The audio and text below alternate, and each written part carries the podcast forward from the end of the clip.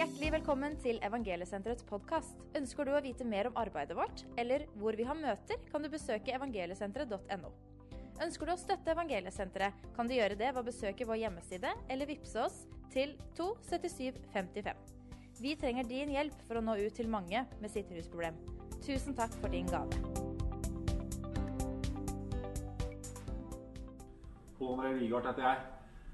Tenkt på noen ord i det siste. Frihet i våre sår. Eh, Vi trenger å høre litt om, eh, om ting vi kan bli fri fra. Jeg har lyst til å dele noen eh, tanker rundt det.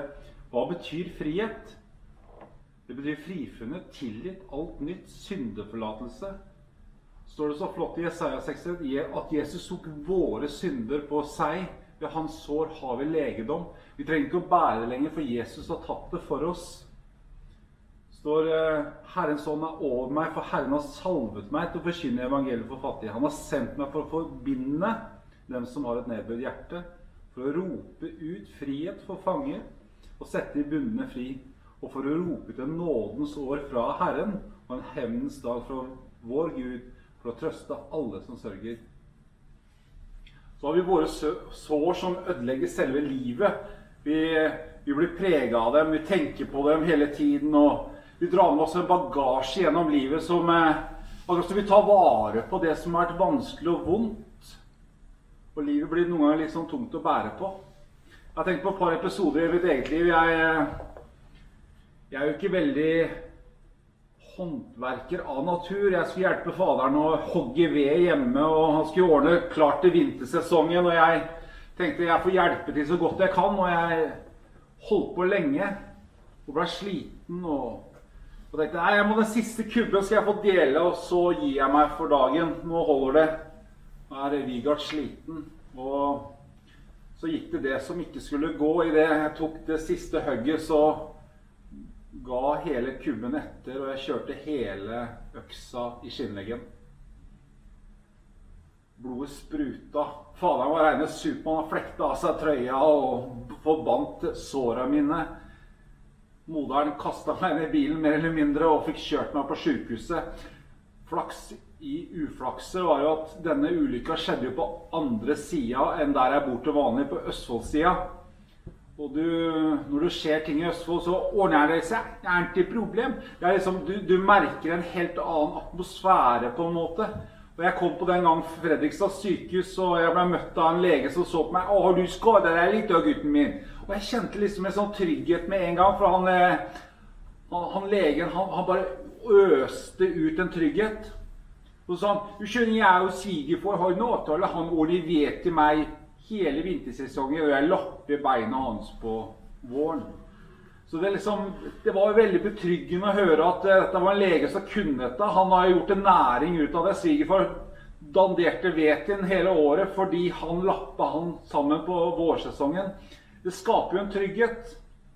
Men dette såret vet du, du aner jo ikke hvor vondt det var. Smertefullt. Jeg, jeg tenkte jeg kommer aldri til å kunne gå igjen. Men etter en liten stund så begynte såret å gro. Og 25 sting, og stinga slapp etter hvert, og jeg fikk tatt dem ut og kasta dem. Eller disse trådene. Så begynte jo bein å gro igjen. Jeg gikk litt haltete til å begynne med, og jeg brukte en ekstra strømpe hvis jeg skulle ut og stå slalåm, for jeg hadde, noe, hadde tatt noen muskler i leggen. Men eh, det gikk jo greit. Så i dag så kjenner jeg jo ikke smerten. Jeg tenker jo ikke på det såret engang. Men så tenkte jeg jeg har jo andre sår i liv, og det tror jeg veldig mange kan relatere til. At vi har, vi har noen ytre sår som jeg har fått av krigens kamp, på en måte. Kan- Men så har jeg noen sår fra barndommen. Jeg flytta til en ny plass. Eh, Tryggheten i livet mitt, som var min bestefar, hadde dødd. Jeg skulle starte på nytt og kom til en liten plass der, i en liten skole. og jeg var jo den som var ny i klassen, ny i byen. Jeg hørte liksom ikke hjemme der. Og fra dag én så fikk jeg høre det at ikke jeg hørte hjemme. Jeg blei mobba, jeg blei holdt utenfor. Jeg, jeg følte meg aldri tilpassa det samfunnet jeg kom inn i. Og dette, dette holdt på i mange år, og jeg kjente liksom at jeg samme hva jeg gjorde, så kom jeg ikke inn i gjengen. Jeg var ikke regna med som en av dem. Og den dag i dag, 30 år etter, mer eller mindre, så har jeg sår fra barndommen og kjenner på avvisning fort fordi jeg har noe sår fordi jeg opplevde det i barndommen. Jeg har litt øh, vanskeligheter noen ganger når folk setter noen grenser, for jeg tenker at ja, de vil ikke ha meg. Og jeg går rett i sånn kommandofasade, og jeg må beskytte meg her, for jeg har jo noen sår der. Og jeg tenker sånn er vel kanskje mange av oss som kan relatere til at vi har noe sår, vi har noe smerte, vi har noe som er litt vanskelig fra fortiden vår. Som bærer oss og preger oss.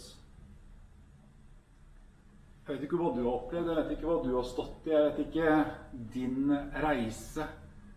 Det kan jo være at du har hatt eh, kall fra Gud en gang til å være misjonær eller tjeneste, så blei det aldri noe av. Så bærer du noen sår og noe skam på det. Det kan være at det ble samlivsbrudd, du opplevde det.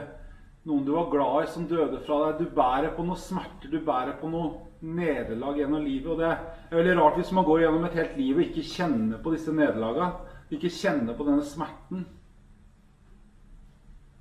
Det er så godt å tenke på at Jesus tok også all vår skam på seg når han hang på korset. Han tok alle våre sykdommer, han tok alle vår smerte, han tok alle de tingene ikke vi fikk. De tok han på seg. Det var så fint. Jeg, vi var i Israel for et par år siden, og vi var inne i gravhaven. Jeg har fortalt det mange ganger, og der traff vi en guide som heter Bertil. Han var fra Sverige, og han hadde endt sitt liv som Han jobba, jobba i mange år, så han slutta, og så var han frivillig i denne gravhaven som guide for de skandinaviske turistgruppene. Og Vi gikk rundt, og han viste oss her lå Jesu grav, og han viste oss hvor det mente Jesu grav er. Og spoiler alert, som vi sier Jesus var ikke i graven, den var jo tom. Han var jo ikke der. Det vet vi jo. Og så gikk vi videre rundt i gravhaven. Vi hadde nadvær der. Det var en fantastisk opplevelse å være inne i gravhaven i Jerusalem. Det kan jeg anbefale alle. Så gikk vi til andre utkanten av gravhaven, og så så vi over en plass der de mener at det her er Golgata. Han viste oss noen bilder som indikerte det litt tydeligere. og Jeg så så godt jeg kunne, og der så jeg en bussholdeplass av det palestinske busselskapet. Det var liksom ikke veldig hellig og Golgata-aktig over det stedet. Og han sa men se på bildene, ser ut som det så ut før det har gått noe ras der og lignende. Så ser det ut som en hodeskalle, og det er jo det det beskrives i Bibelen. Men så sa Bertil noe som jeg har tenkt på mange ganger, at uh, om Golgata er akkurat her, sånn, eller om det er inne i gamlebyen Jerusalem, som mange mener, eller om det er på andre sida av Jerusalem, det er det samme for meg. sånn. Men det som er viktig for meg, er at når en mann hang på det midtre treet så var det min sykdom, min skam, alt det ikke jeg fikk til, som han hang der for. Når han sa det var fullbrakt, så blei min dødsdom ugyldiggjort. Så. Så, så stilte han oss som gruppe spørsmålet hvor er ditt Golgata? Hvor er det du ser Jesus tok all det du ikke fikk til på seg? Og Det er et bilde der som har båret med meg gjennom alt. Gjennom eh, Når jeg tenker på bagasjen, tenker på ting som har vært vanskelig. Ja, men Jesus har tatt også det. Og Det ønsker jeg er et oppmuntring til dere som hører på. Jesus har tatt all smerte, all skam, alle disse bagasjene har han tatt på seg. I Evangelsenteret så er vi vant til å høre gode historier, høre om mennesker som har gått fra mørke til lyset. Det er jo det vi er kjent for. Disse livshistoriene som bringer håp, bringer liv inni ødelagte menneskers liv. Og vi har jo et eget bibelvers som eh, vi siterer. Det sier vi er vårt. Og det andre Korinterne 5,17. Om noen er i Kristus, er han en ny skapning. Det gamle er forbi. Se, alt har blitt nytt. Det er jo fantastiske vers. Og det er gode vers som jeg tenker over. Men, eh, men de gangene ikke jeg føler at alt er nytt Det står jo her at alt er nytt, men jeg føler det ikke sånn. Jeg merker at det er jo ting her som har festa seg til meg. Vi leser historien i Markus 5 om kvinnen med blodsykdommer som hadde prøvd alt hun hadde hos leger. Og hun hadde blitt bare verre. Men så kom Jesus til byen, og hun prøvde seg å komme ut for å nå ham. Hun hadde prøvd alt i egen kraft. Hun hadde prøvd alt hos lege for å bli fri fra det hun var bundet av. Hun var kvinne med blodsykdommer i tolv år. Hun, er, hun var uren. Hun hadde ikke noen grunn til å være ute blant folk. Men kvinnen ville så gjerne røre med Jesus. Og jeg tror det er mange som rørte med Jesus gjennom byen den dagen, men det var bare én kvinne det står om som ble helbreda. Hun rørte med Jesus i tro og tok tak i kappen hans i tro og sa det er bare Jesus. Det er bare han som kan lege. Det er bare Jesus som kan gjøre alle ting nye. Og jeg tenker sjøl at det er jo det det handler om, at det er bare Jesus som kan sette oss fri for det som ordentlig binder oss. Jeg har hørt om en vase. Det er en japansk vase, og jeg anbefaler alle å slå det opp. Jeg skal si det helt korrekt, så du må høre nøye etter. Kintsugi heter vasen. Ja, jeg gjentar kintsugi. Google ordet kintsugi og se på de vasene der. Det er vase som er keramikk som har gått i stykker. Som er noe stygt. Det er ikke fint lenger. Det er ubrukelig. Men så bruker japaneserne, eller japanske folket, å renne gull, så setter de sammen bitene igjen. Så den vasen blir like hel som han en gang var. Og så ser du alle tydelige såra og tinga som er gått i stykker der. Men nå har det blitt et kunstverk. Det har blitt noe som er finere enn hva det var i utgangspunktet.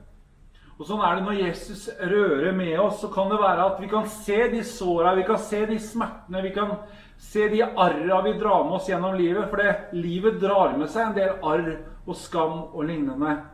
Men i stedet for å forbanne det, så kan vi se at Jesus setter disse bitene sammen igjen og skaper noe som er helt, noe som er rent, og noe som er mer verdt enn det var i utgangspunktet. For kintsugi-vasene er mer dyrebare enn en vase som ikke har gått i stykker. For dette her er et kunstverk. Jesaja 53 sier men han ble såret for våre lovbrudd, og han ble knust for våre synder. Straffen rammet han for at vi skulle ha fred, og ved hans sår har vi fått legedom. Så lik kitsugi-vasen kan vår dype sår bli til noe vakkert og verdifullt som kan være en velsignelse for dem rundt oss. Det kan ikke noe, trenger ikke være noe vi skammer oss lenger over. Det kan være noe som er vakker og dyrebart. Jeg vil avslutte med Romerne 8,28. og Der står det vi vet at alle ting virker sammen til det gode for dem som elsker Gud. For dem som er kalt etter Hans rådslutning. Så alle våre sår, alle våre ting, kan Gud bruke til sin ære, til sin pris. Tusen takk for at du lyttet på. Gud velsigne deg i tiden framover. Amen.